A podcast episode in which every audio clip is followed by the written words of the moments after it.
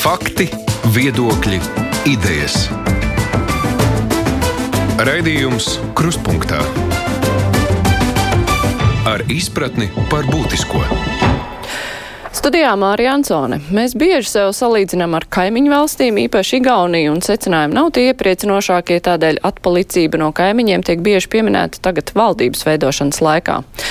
Kāda loma tajā ir digitalizācijai un izglītībai, kā valdības veidošanas process izskatās no malas par to un citām lietām? Mēs runāsim šodien mūsu studijā ir informācijas un komunikācijas tehnoloģiju uzņēmuma Accenture vadītājs Latvijā, vienlaikus fonda atvērtais sabiedrībai dots valdes priekšsēdētājs Maksims Jegorovs. Labdien! Labdien! Tā atpalicība no kaimiņiem, ja mēs skatāmies tā tīri ekonomi, uz ekonomiku kopumā, uz iedzīvotāju turību, nu, tā ir tāda viena lieta, bet ja paskatās uz atsevišķām nozerēm, piemēram, to pašu digitalizāciju, nu, kādi mēs izskatāmies? Nu, es domāju, ka kā mēs redzējām Covid laikā, mēs tīri labi varam pārvaldīt valsti attālināti. Mums, protams, ka vajadzēja visiem iemācīties no daudz ko darīt. Es atceros pirmo lampas, lampu Covid laikos. Tad tā ja lampa visiem vajadzēja iemācīties streamingu taisīt no sava oficiāla bez īpašas administratora palīdzības, jo tad visiem vajadzēja taisīt to streamingu. Ja? Nu, tad līdz ar to, manuprāt, nu, skaidri redzams, ka mēs varam, nu, mēs varam darīt visu attālināti. Uh, bet Latvija ir tādas funkcijas, piemēram, saimas platforma, ja, cik es saprotu, ir ļoti laba. Ja tiešām saima var strādāt, nu, dalīties ar dokumentiem, komentēt un tam līdzīgi, piemēram, CSDD platforma ir ārkārtīgi laba. Nu, visdrīzāk nu, to pašu veselības vai skolu sistēmu arī tur, tur visticamāk var attīstīt lietas. Bet no otras puses, to, ko es sapratu no tajos pirmajos mēnešos, ka patiesībā sakot, slimnīcām ir ļoti atstrādātas savas IT sistēmas. Un, un to varēja redzēt, jo teiksim, slimnīcas varēja daudz ātrāk sagatavoties, pieņemsim, masveida vakcinācijai. Bet, kā uz to vispār raudzīties, jo viena lieta ir tā sadaļa, uh, nu, kas ir tas tie pakalpojumi, ko valsts nodrošina, un visiem uzreiz nāk galvā e-veselība, jo tas ir tas skaļais nu, neveiksmes stāsts, kas klūp un krīt, un kas tad būs jāpārveido. Otra lieta ir, nu, kā funkcionē arī privātais sektors, tad ku, kura puse ir labāk digitalizēta, ja to tā var teikt? Tas ir labs jautājums. Es domāju, ka tas ir jautājums, kurš ir nu, tāds vērts izpētīt nu, daudz dziļāk nekā šodienas saruna. Nu, Bišķiņ paprovocējot visus, nu, es teiktu, ka ļoti iespējams, ka Latvijas uh, komercsektors ir vēl sliktāks nekā valsts sektors. Bet tas ir kā provokācija. Jo, nu, ja skatoties uz, uz novērtējumiem, starptautiskiem novērtējumiem, ja, tur ease of doing business un līdzīgi vērtējumi, mums ir ļoti attīstīts IT Bet mūsu biznesa spēja izmantot pat nu, prastus risinājumus ir, ir nu, ļoti neliela. Respektīvi, mēs labi sniedzam pakalpojumus IT jomā. Nu, jā. tā kā, piemēram, jūsu uzņēmums, bet jūs eh, Latvijā pat nestrādājat īsti tikai eksportējat. Gandrīz ne, jā. jā, bet eh, tajā pašā laikā tās, tos pakalpojumus te uz vietas nemaz viss tā neizmanto. Tā. Nu, jā, un tad, ja mēs nu, tagad mēs skatā, skat, paskatītos uz jaunākiem uzņēmumiem, kuriem īpašnieki, dibinātāji ir jaunāki, nu, tā ir tā pauze, kura izauga arī te, tad tur var redzēt, ka nu, tas ir attīstīts daudz vairāk. Uh, bet nu, lielāki uzņēmumi, nu, tur. Tur tas ceļš ir ejams. Bet tas ir tas stāsts. Es vienkārši mēģinu saprast, ka valdības uh, ne jau nu pirmā valdība eh, to ir rakstījusi, ka ir nepieciešams eh, digitalizēt eh, valsti, ka tai ir jābūt prioritātei, mūsu ekonomikai ir jākļūst viedai. Tas viss ir stāsts par to, kā vispār cilvēkam izskaidrot, nu, ko tas nozīmē, jo daudziem tās ir tikai frāzes, kuras tiek ierakstīts katrā jaunā valdības deklarācijā, ko mums vajag, bet ko tas īsti nozīmē? Nu, to, ko varētu mainīt šī valdība, ir nu, paiet divus, trīs soļus uz priekšu, jo teiksim, tā vieda ekonomika, nu, tā ir sabiedrība, tā ir, nu, tā ir skaista frāze. Ja tā frāze ir segums, tad nu, tā ir Tas ir, ir nopietna frāze. Ja tā frāze nav seguma, tad tā Bet ir. Tas segums, kāds, kā viņam ir jāizpaužās tam segumam, kam ir jānotiek tas, valstī, lai mēs esam to sasnieguši? Nu, tas ir kaut kādā ziņā, to var uztvert vienkārši. Vismaz no nu, manis tā izmetus mācīja. Ja tu kaut ko saproti, tad tu vari to izskaidrot vienkārši. Starp citu, runājot par valdības deklarāciju.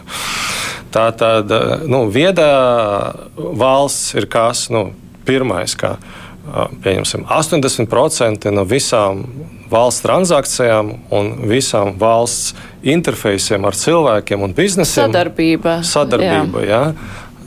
Pareizi, nevis interfejsiem, sadarbība paldies, jā, ar cilvēkiem un biznesiem uzņēmumiem notiek digitalizēta.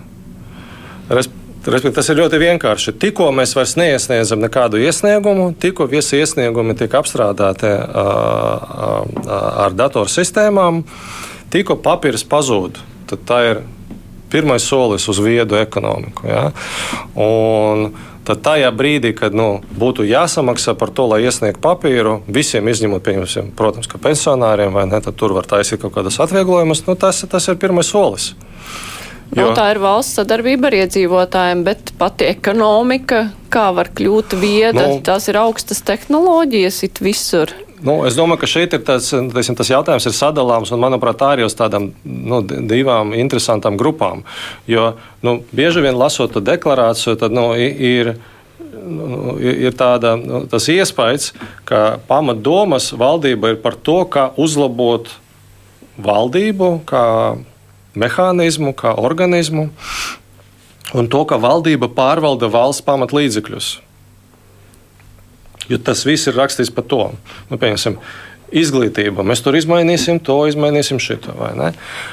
Bet kaut kādā ziņā valsts ir uh, veids, kā var pastiprināt tautu un pastiprināt uzņēmējus, pastiprināt kultūru.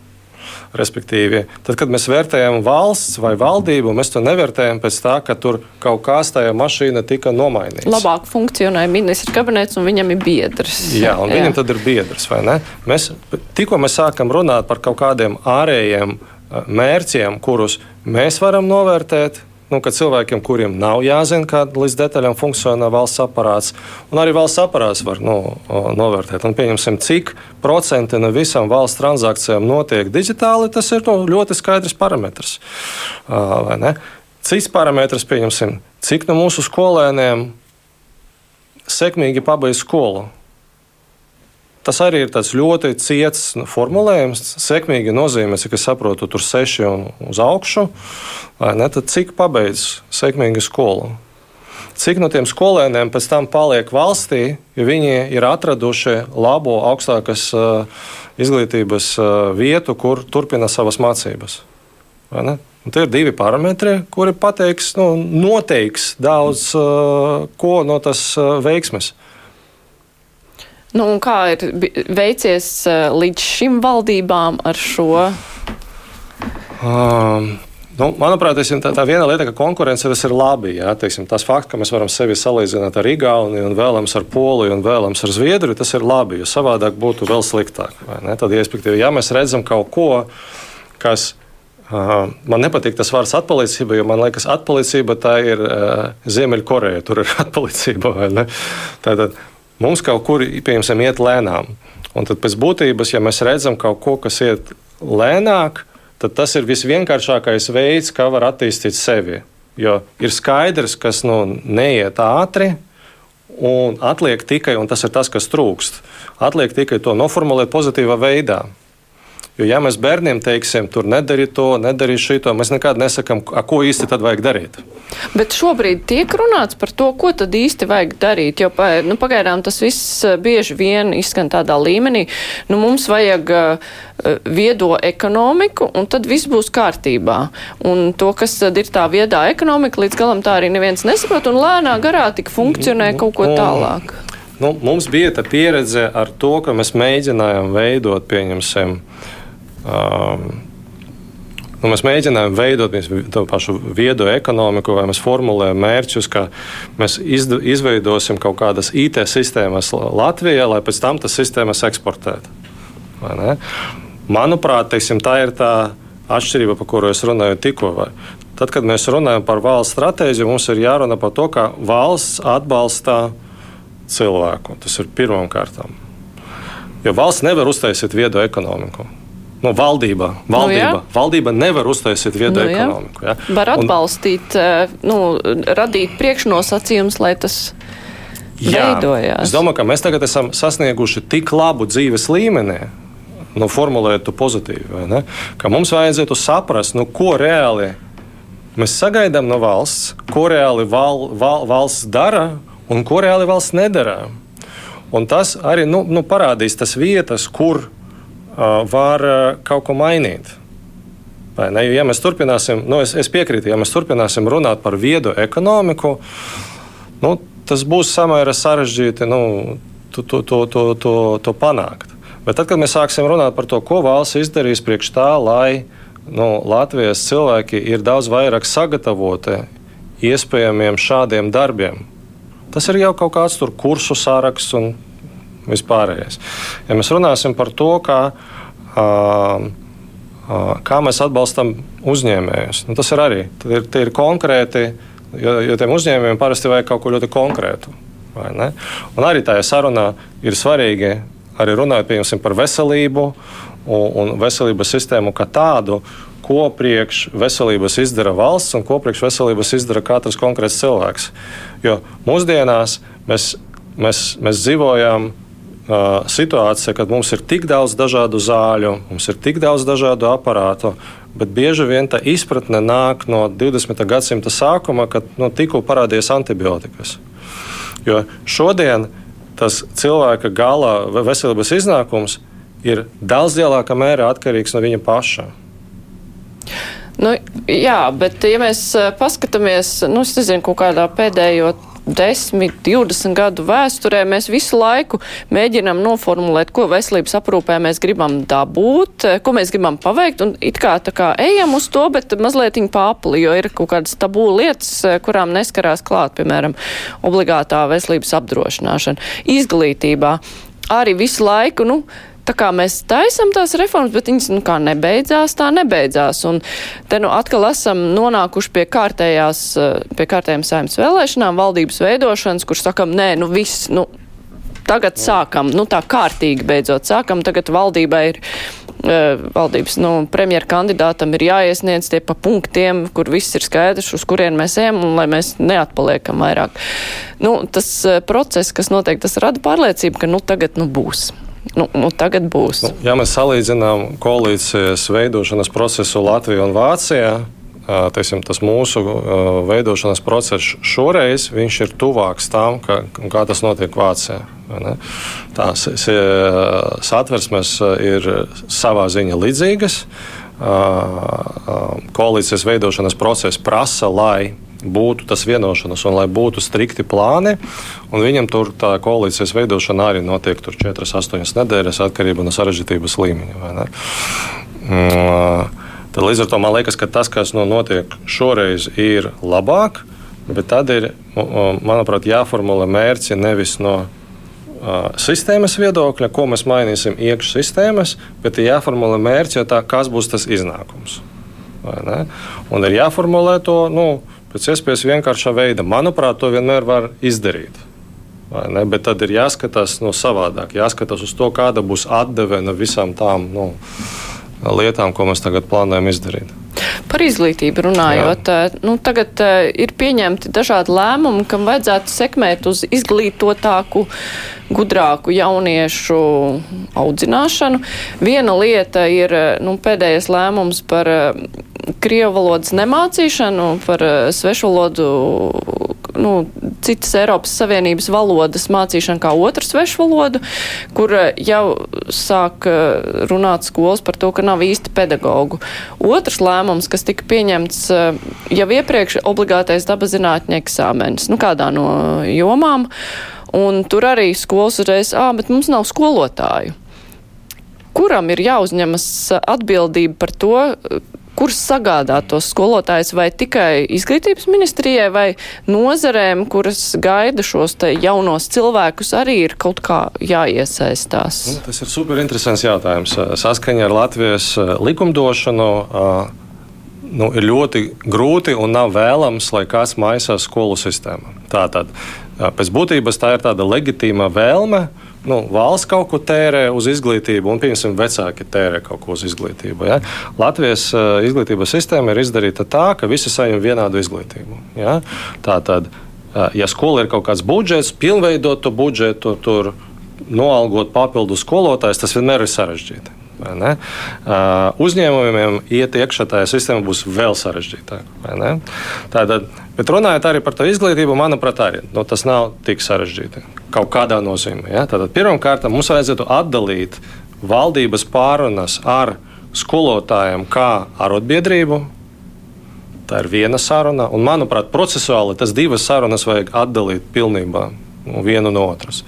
Jo skolotāji tie ir nu, saka, ekonomiskie aģenti. Skolotājiem, kā kādam darbiniekam, ir savas tiesības, viņam ir tiesības aizsargāt no savas intereses. Bet tas nenozīmē, ka aizsargājot savas intereses, skolotāja aizsarga skolu sistēmas intereses vai skolēna intereses. Vai tas ir pirmais, kas ir jāatdala. Ja? Un uh, otrais moments, ka uh, veiksmi skolas sistēma var noformulēt. Uh, salīdzinoši, manuprāt, vienkārši vismaz tādā sakotnējā līmenī. Ja cilvēks varēja atrast darbu Latvijā, tad tas jau ir labs rezultāts. Ja mēs cilvēkiem mācām kaut ko, kas cilvēkam māca, palīdz izveidot savu uzņēmumu vai atrast darbu.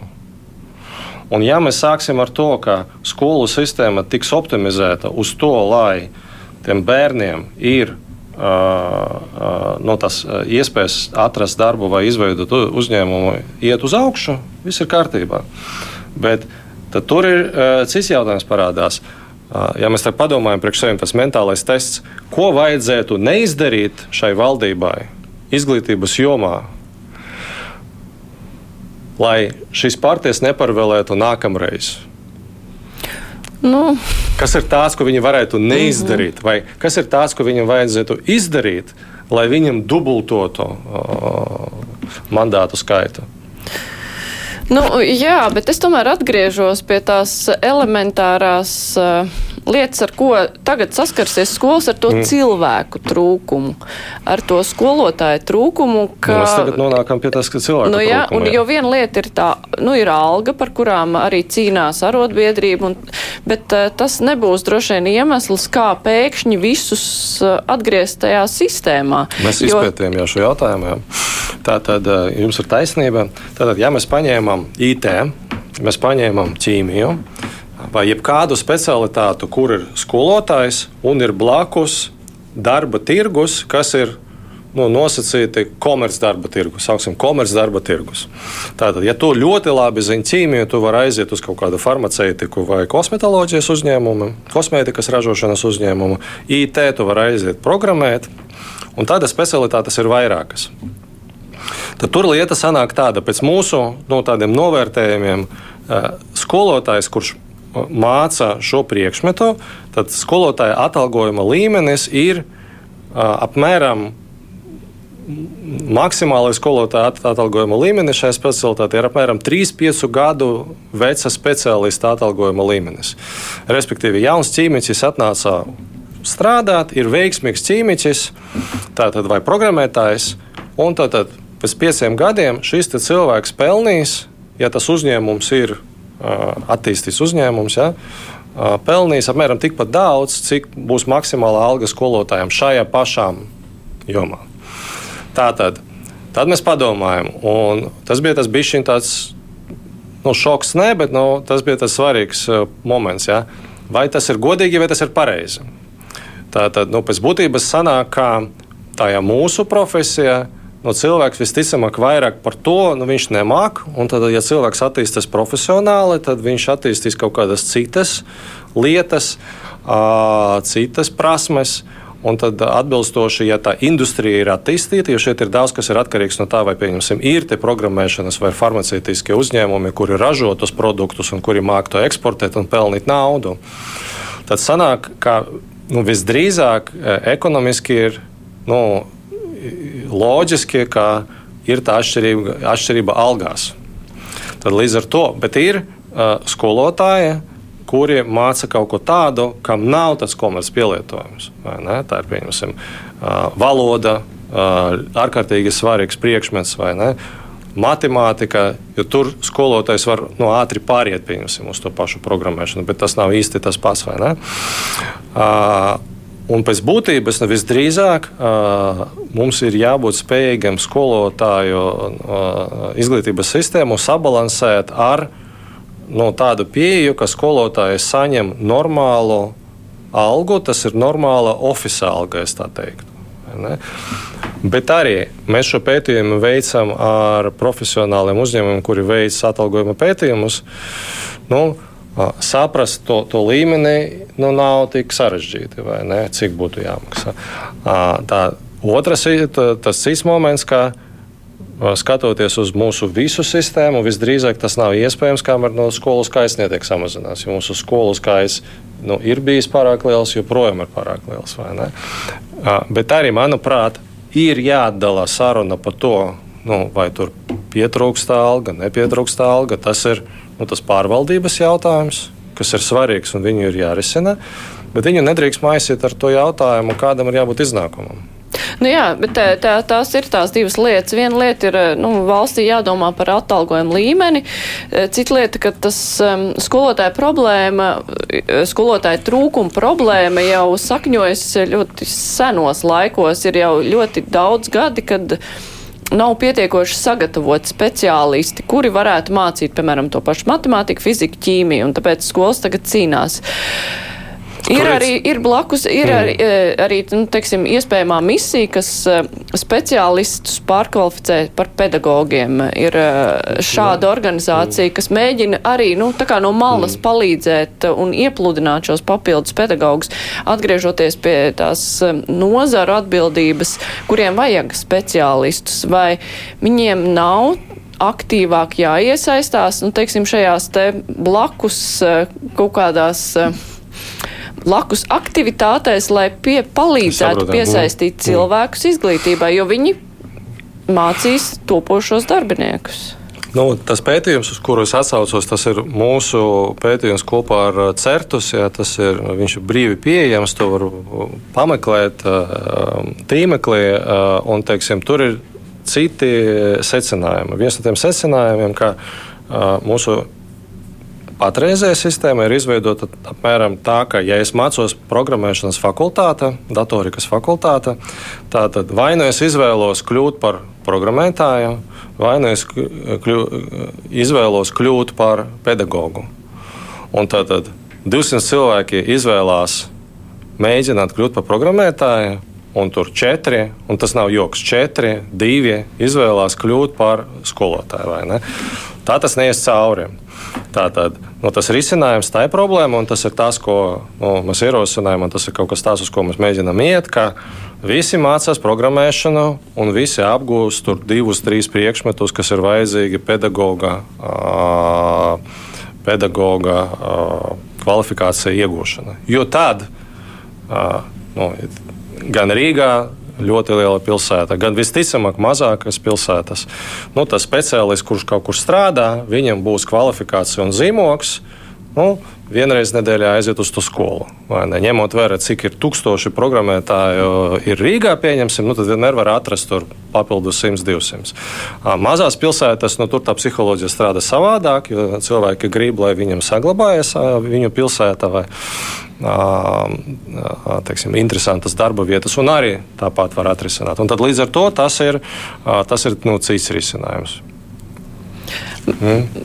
Uzņēmējiem ir vairāk jāiet uz skolām. Nu, jārāda bērniem, ka tas ir forši, interesanti, jo bieži vien, nu, ja tas pedagogs nav pietiekoši pats ieinteresēts, nu, varbūt arī bērni neieinteresējas kaut kādās dabas zinībās vai matemātikā. Nu, tad varbūt ir jānāk un jāieinteresē. Mēs, nu, šeit es varu runāt tikai nu, par mūsu industriju. Mē, mēs to darām. Mums tikko bija konference skolotājiem. kur bija iesaistīti arī vecāki un tam līdzīgi. Mēs, mēs esam izveidojuši, ka vairāki uzņēmumi izveidoja izglītības asociāciju Start IT, un tad, balstoties uz šo asociāciju, mēs esam daudz ko izdarījuši. Pieņemsim, pēdējais, ko mēs izdarījām ar LMT kopā, mēs izstrādājam tehnoloģiju priekšmetā metodiskas grāmatas? Tas ir grāmatu sējums, kurš nu, parāda, kā vajag tur dizainēt, pieņemsim, apģērbu, kā vajag dizainēt uh, sistēmu. Tad, nu, tas viss tiek darīts. Es domāju, ka tagad mēs esam sasnieguši momentu, kad mēs saprotam, ka ar to nepietiek.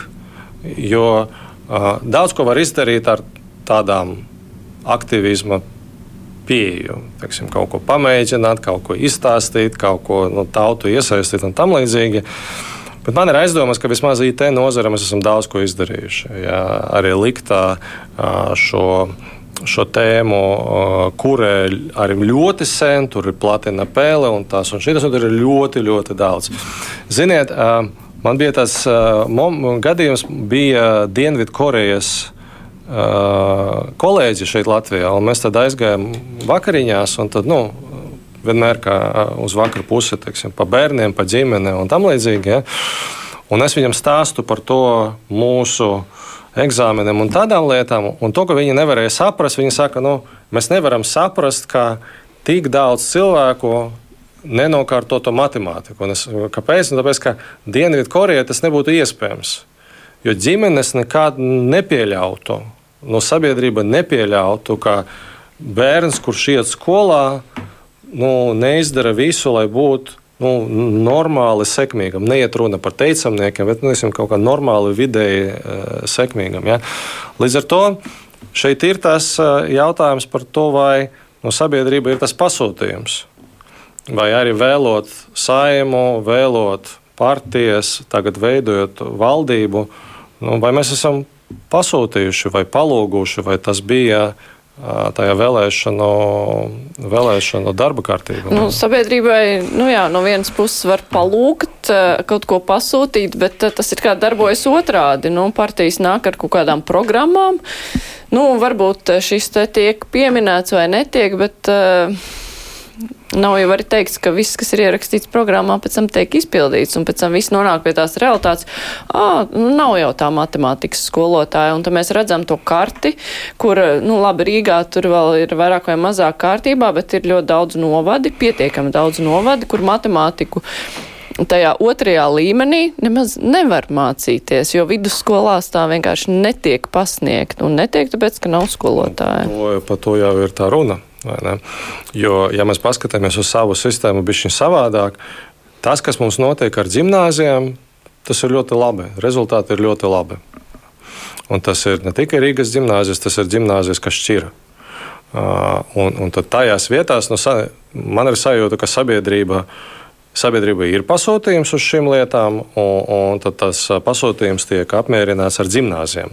Bet tas, kas man liekas, mums ir svarīgi, kā valstī, ka tas nav kaut kas, kas ir pieejams tikai gimnāzijā. Respektīvi, tam pašam ir jāiet tālāk. Jo man pašam ir no, divas puikas, un es, nu, vienam ir 21, otram ir 14. Es redzu, ka pa pēdējiem 10, 15 gadiem vismaz Rīgas gimnāzijas ir ļoti attīstījušās gan kvalitātē, gan kopskaitā. Uh, un tad līdz ar to, ja tev ir jauns bērns šodien, teiksim, tā situācija šodien ir labāka nekā desmit gadus atpakaļ. Bet, nu labi, noslēdzot šo obligātais eksāmenis, atrisinās to. Ja jūs pieminējat Dienvidkoreju, kur arī tiek minēta, katra ģimene ir ieinteresēta. Nu, tagad, jā, ģimenes būs ieinteresēts, lai tas bērns kaut kā nokārto eksāmenu par spīti skolotāju trūkumam. Tas atrisinās problēmu. Es domāju, ka tas ir bezmaz vai vienīgais risinājums. Jo man liekas, ka mums, kā sabiedrībai, vajadzētu saprast, ka ir nu, kaut kas rāmis, kura mums ir jāieliekās. Jo no Eiropā, ja tu negribi no mūžīgi vākt zemenes no paudzes uz paudzi, nu, tad tev ir jāiet uz augšu nu, kaut kur. Pieņemsim, tā paša mūzika var attīstīties, bet darba vietu skaits mūzika nav tik liels nekā citās vietās. Līdz ar to ir jāattīsta visas prasmes, bet ir jābūt ļoti racionālam tā izvēle, kur konkrēti cilvēks taisās pelnīt naudu. Tad līdz ar to, manuprāt, tas ir pareizi. Un runājot par tām programmām, šīs lēmums bija acīm redzams sen. acīm redzams. Paldies šai esošai valdībai, kura vēl nav aizgājusi, ka viņi pieņēma šo lēmumu. Jo, protams, ka tas lēmums bija sagatavots ar to reformu, ar to pirmo, otro un trešo līmeni, kas padara to acīm redzamu. Bet pēc būtības to var sen, sen, varēja sen izdarīt. Jo mums bija, tu varēji nokārtot uz divnieku un dabūt diplomu. Tagad vēl tik tie skolotāji jādabūna ir. Jā, labi. Es atgādināšu klausītājiem, vēlāk Latvijas televīzijas skatītājiem, ka šodien kopā ar mums ir eh, informācijas un komunikācijas tehnoloģija uzņēmuma Accenture vadītājs Latvijā, vienlaiks fonda atvērtai sabiedrībai dots valdes priekšsēdētājs Maksims Jegorovs. Mēs tūlīt turpināsim. Raidījums Krustpunktā. Jā, jūs bijāt viens no tiem cilvēkiem, kas um, parakstīja Latvijas krievvalodīgo vēstuli, nosodot Krievijas agresiju Ukrainā. Tur bija pausts kauns, ka Krievu valodā tiek dotas pavēles nogalināt, spīdzināt cilvēkus. Tur bija aicinājums arī katram Krievu valodā runājušam mēģināt pārliecināt uh, līdzcilvēkus, atvērt acis, ja viņi atbalsta Krievijas agresiju, un vienlaikus bija aicinājums arī latviešus neuzlūkot katru Krievu kā potenciālu Kremļa aģentu vai atbalstītāju. Mm. Tas pēdējais aicinājums, jūsuprāt, ir sadzirdēts, nu, skatoties, kas eh, pēdējā laikā mutuļo visapkārt, visvairāk jau sociālajos tīklos? Nu, um, es domāju, ka jā un nē. Es domāju, ka varēja būt daudz sliktāk. Uh, tajā brīdī, kad tas tika parakstīts un notika visas tas sarunas, manuprāt, daudzi latvieši iestājās tieši par šo punktu. Es nevaru nerunāt par šīm lietām ar saviem draugiem, paziņām, pat ar klientiem. Es visu laiku šo tēmu cēlu. To, ko es dzirdu atpakaļ, ka nu, visi latvieši saprot, ka ne katrs Krievs var tikt uzskatīts par aģentu. Tas, nu, tas būtu stulbi tā darīt, vai ne? Tas būtu baigi nepareizi tā darīt. Bet no otras puses, nedrīkst arī aizmirst, ka nu, Krieviem ir jāizdara tā izvēle. Un tā izvēle nav vienkārša, nav patīkama. Tā ir ļoti traģiska izvēle. Uh, nu, viena lieta tev vajag izvēlēties, no kura puse tu esi. Es domāju, ka tā cita lieta, ka no mūsu latviešu draugiem, paziņām ir tiesības zināt, kurā pusē nu, katrs no mums ir. Uh, uh, un es domāju, ka uh, uh, man liekas, ka tie cilvēki, kuri izvēlās būt Krievijas federācijas pusē, nu, visdrīzāk viņam vajadzētu arī aizbraukt uz Krievijas federāciju. Jo uh, veidojot valsti, vajag panākt. Nu, vienmēr vēl, mēs tagad redzam to Ukrainu. Nu, tas ir cilvēku kopums ar vienādām vērtībām vai līdzīgām vērtībām. Un, un tie ir tie cilvēki, kuri ir gatavi cīnīties kopā. Uh, es vienmēr biju tāds ārkārtīgi atvērts un skaidrs, ka es esmu Latvijas pilsonis, bet es esmu krievs pēc tautības. Es esmu etniski krievs. Un es vienmēr no aizkaru šīs divas uh, uh, daļas. Un ar to krieviskumu daļu tas ir, nu, tā, ar to tagad ir ārkārtīgi traģiski. Bet ko ar to var darīt?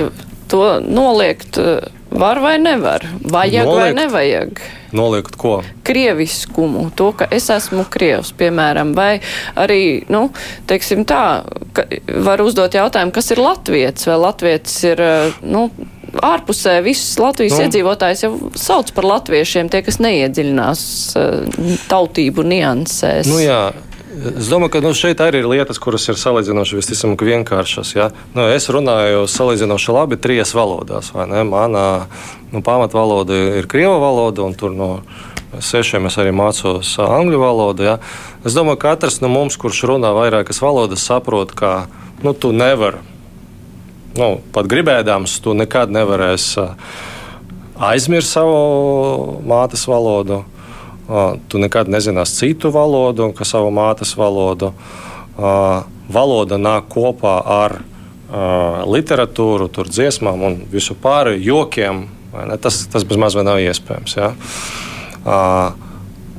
Tā cita lieta, protams, ka tu izrādi cieņu, un vismaz mans dzīves stāsts rāda, ka, ja tu labi pārzini latviešu valodu un tu māki runāt un, un runāt salīdzinoši labi, tad tas ir tas, kas, nu, kas ir vajadzīgs. Un, manuprāt, teiksim, šīs te divas lietas iespējams nevajadzētu, um, nevajadzētu maisīt. Ne? Jo iespējams, ka joprojām ir tā problēma. Kaut gan man neliekas, skatoties uz saviem bērniem, ka teiksim, latviešu valodas nezināšana tagad ir daudz mazāka problēma nekā tā ir bijusi kādreiz.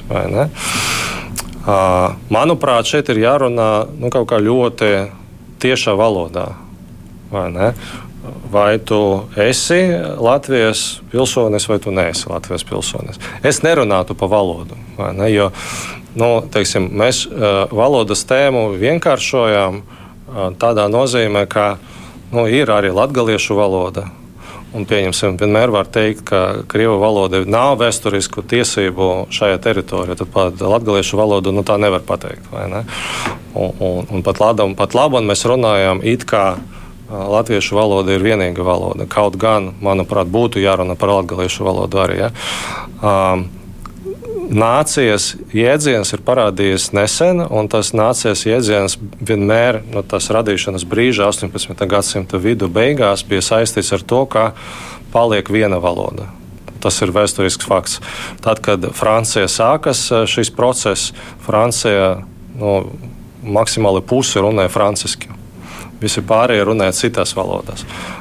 Tajā 19. gadsimta ietvaros, pateicoties izglītības, pateicoties armijai, jo tas bija teiksim, pirmā valsts, kur armija dienēja visi.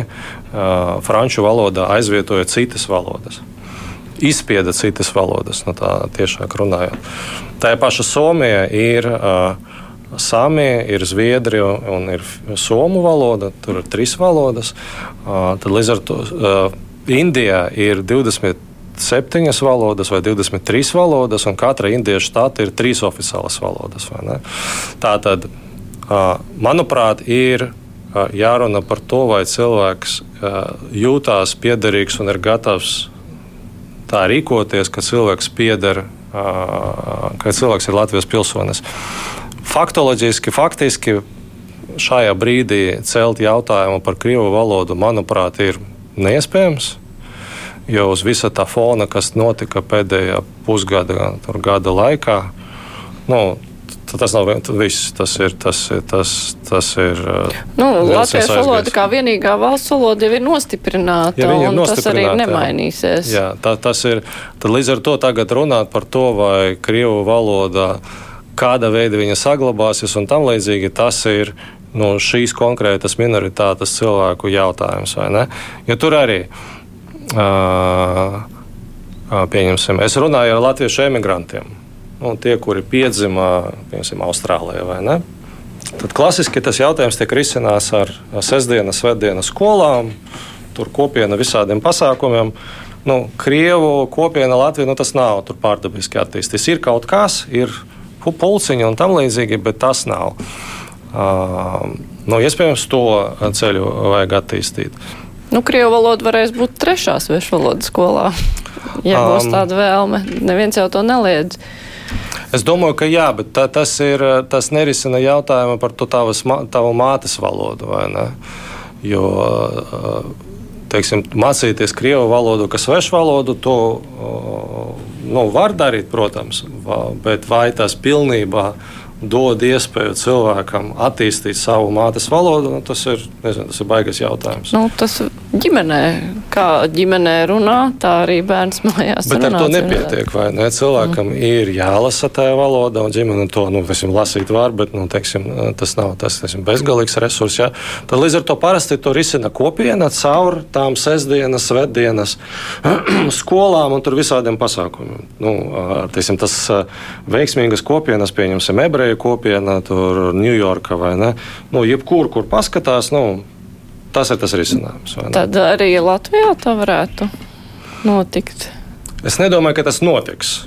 Bet, uh, jo, teiksim, es tagad, uh, man ir sajūta, ka krievalodīgie, nu, nu, mēs tā īsti neesam, uh, mēs esam pazaudējuši, nu, izpratne par to, no ko tagad, no, kā tagad veidot uh, kopienas dzīvi. Nu, teiksim, tas, jo, jo, jo agrāk bija kaut kāds standarta risinājums, kurš tur apmierināja, neapmierināja vai ne. Tad tagad pat tas standarta risinājums ir pazaudēts. Un tad līdz ar to cilvēkiem nu, tādas baigas izpratnes nav. Un kaut kādas kopīgas virzības uz to, kā lai to visu organizēt, arī nav. Un kopīgs virziens uz to, kā lai būtu labiem pilsoņiem, manuprāt, nu, tas jautājums ir no jauna noformulēts. Uz to jautājumu vajag no jauna atbildēt. Manuprāt, tas arī nav. Un, vismaz es nu, vēlēšana rezultātus novērtēju tā, ka uh, krievalodīgie nu, visdrīzāk tā īpaši uz tām vēlēšanām neaizgāja, jo visiem šiem jautājumiem vajag atbildes, un, un, un, un, un neviena no partijām tas jā, atbildes nepiedāvāja.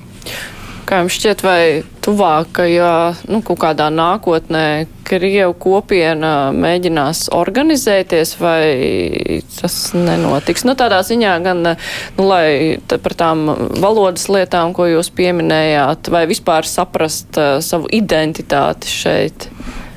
Nu, manuprāt, Krievu kopiena noteikti vajag uh, savu saprast, ko nozīmē dzīvot valstī, būt par godīgiem valsts pilsoņiem un saglabāt savu etnisko piedarību. Tas ir viens jautājums. Ja. Cits jautājums, nu, ko nozīmē saglabāt etnisku piedarību? Nu, protams, vai vispār to vajag darīt, tas arī ir jautājums. Tad saglabāt savu etnisku piedarību tādā veidā, lai nebūtu atkarīgiem no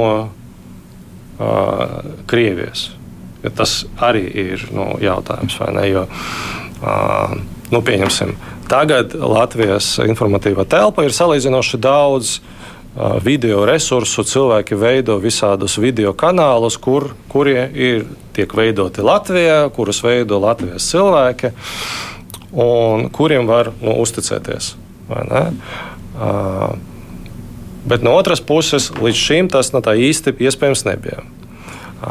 Pieņemsim, ja iztēloties, ka ir kaut kāds krievu medijs, kurš ir veidots Eiropas Savienības ietvaros, nu tad tiem cilvēkiem būtu pieeja pie uh, uzticama mēdīja krieviski.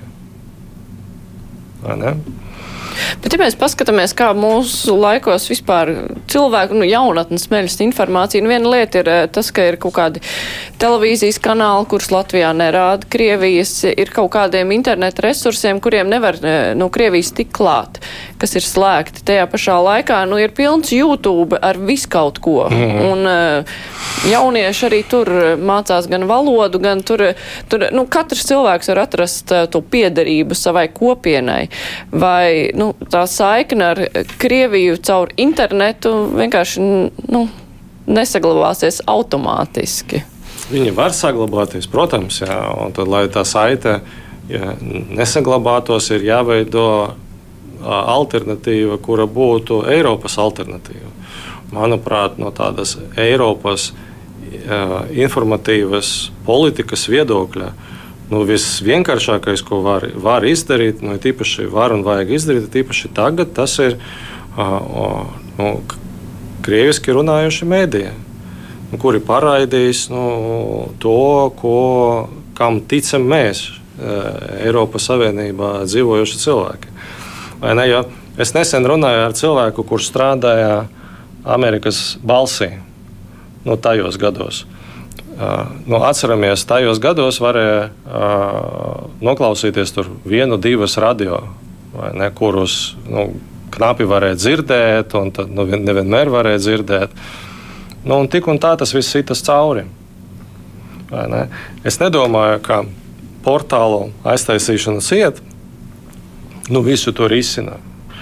Uh, protams, ka tas mazina protams, bet ja nav uzticamas alternatīvas, tad tik un tā, teiksim, tā politika būs, nu, nebūs līdz galam mm, strādājoša, manuprāt.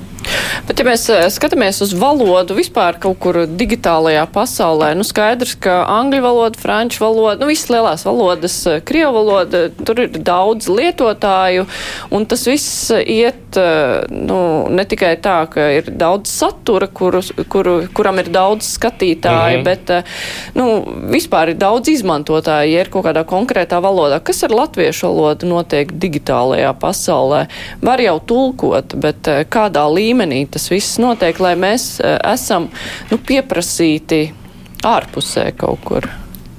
Tas saturs nu, ir noderīgs, un mēs varam tā latviešu valoda dzīvos tajā pasaulē. Nu, es paskatītos šeit uz, pirmkārt, tā valoda, tas ir lēmums. Jo arī runājot par uh, nāciju valstīm un to vēsturi, ja, nu, īru valoda bija gandrīz pazaudēta. Uh, un, un tas ir kaut kā lēmums, ka cilvēki tomēr nolēma, uh, nu, ka liela cilvēku grupa nu, tomēr nu, tā nu, nerunā tajā valodā. Uh, bet Hebru uh, tika atjaunota. Un ir salīdzinoši daudz valodas, kuras bija nu, gandrīz, gandrīz pazaudētas. Piemēram, Somija bija cilvēki 18. gadsimta mainīja uzvārdus uz zviedru uzvārdiem, 19. gadsimta vidu mainīja atpakaļ uz somu uzvārdiem. Un tas pats notika ar somu valodu, kad cilvēki saprata, ka nu, viņi negrib to zaudēt. Līdz ar to es domāju, ka tas ir pirmkārt tas ir lēmums. Ja? Otram kārtam var skatīties uz to, kā darbojas pieņemsim tā pati Izraela. Tā tad viņi izmanto angļu valodu kā veidu, kā stiprināt savu valodas vidi. Jo tad, kad viņi māca universitātē, viņi uh, apzināti izmanto gandrīz un tikai angļu uh, valodas, amerikāņu uh, grāmatas, ne? jo viņi nevar šāda veida konkurēt. Bet skolas līmenī un ka tāds lēmums, ka tu nevari būt valsts daļa, ja tu nemāki runāt, tā tad, tad viņam ir uh, Hebru. Uh, un tad, manuprāt, tas ir. Jo, Valoda, kura ir divi, divi ar pus miljoni lietotāju, nu, tas, tas valodas izplatība nu, visticamāk ir proporcionāla tam lietotāju skaitam. Vai, ne, vai tam cilvēkiem, cilvēku skaitam, kuri māca runāt, piemēram, latviešu. Nu, tad līdz ar to nu, spāņu valoda vienmēr sītis pāri mazākam valodam, lietuviešu, igauņu, latviešu. Un tad līdz ar to, manuprāt, tajās pašās Latvijas augstskolās. Ja? Tad, ja šodien mēs skatāmies uz to, ka kurs, kursa izmērs ir salīdzinoši mazs, un, un tas kursa izmērs nosaka to, cik mēs varam profesoram samaksāt tad, manuprāt, no tas risinājums, ka tam kursam, kurš mācās, pieņemsim, programmēšanu latviešu, blakus ir jābūt kursam, kurš mācās programmēšanu angliski. Tam profesoram ir jāmāk runāt angliski, bet tad tam profesoram mēs varēsim samaksāt vairāk, un tas būs uh, profesors, kurš varēs mācīt latviešu.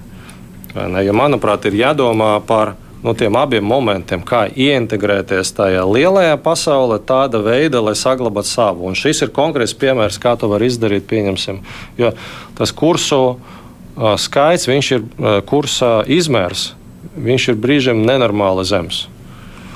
No tā paša matemātika, tā paša ķīmija, nu, tur mācās nu, neparspēlējot pieci cilvēki, vai tur iestājas 20, paliek septiņi. Un, protams, ka šāda veida mēs nesaglabāsim tur nekādu vidi. Bet ar kaut kādiem tulkošanas instrumentiem to nevar sajūgt kopā automātiski. Nu, var, bet teiksim, tā kvalitatīva valodas vide.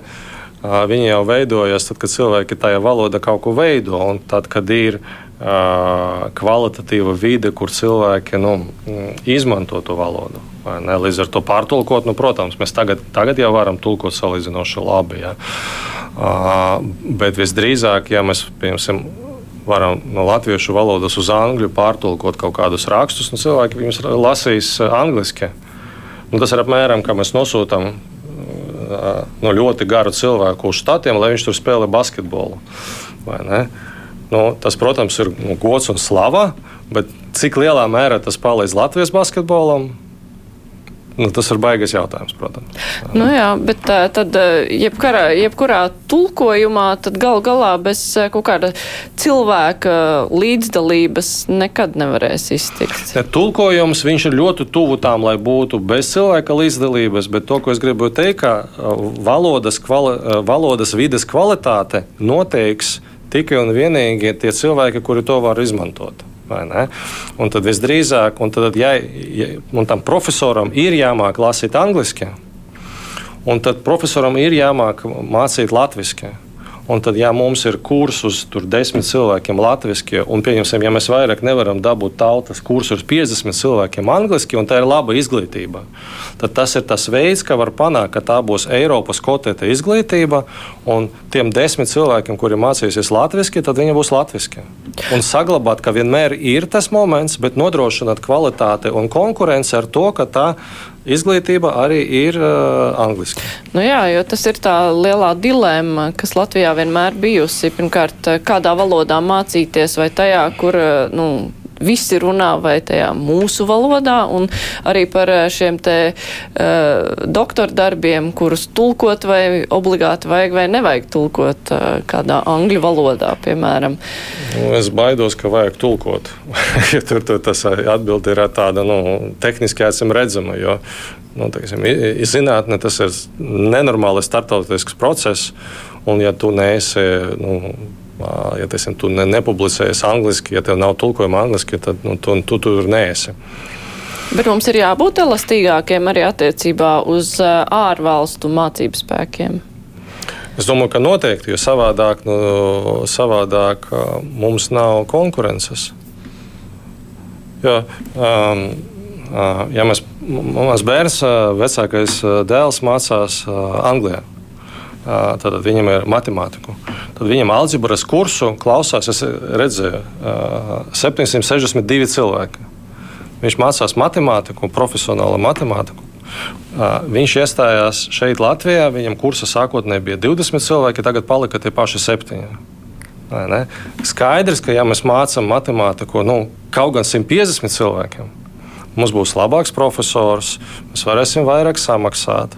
Jo uh, to industrializācijas līmeni vai to mēroga svarīgumu ekonomika neviens nav atcēlis. Ne? Un tad, manuprāt, teiksim, ir jāveido nu, tāda divējāda sistēma, kura barosies no Eiropas ekonomikas ar to angļu valodu, bet tad, kā lēmums, un es uzsveru, ka tas ir lēmums, un tas, manuprāt, Latvijā tas lēmums ir. Bet vienkārši ir jāatcerās, ka tas ir lēmums. Ja mēs esam nolēmuši, tad tas tā ir. Un tad mēs atbalstam to latvisko daļu. Jā, es saku paldies ar to paldies arī jums. Maksimam Jegoravam, uzņēmuma Accenture vadītājiem Latvijā un arī valdes priekšsēdētājiem atvērtai sabiedrībai dots. Paldies, raidījums ar to arī izskan. Šo raidījumu producēja Loreta Bērziņa, studijā bija Mārija Ansone. Mēs tiksimies arī rīt, bet atkārtojumā jūs varat mūs klausīties vai nu pēc deviņiem vakarā, vai arī leju pielādēt mūsu lietotni. Visu labu!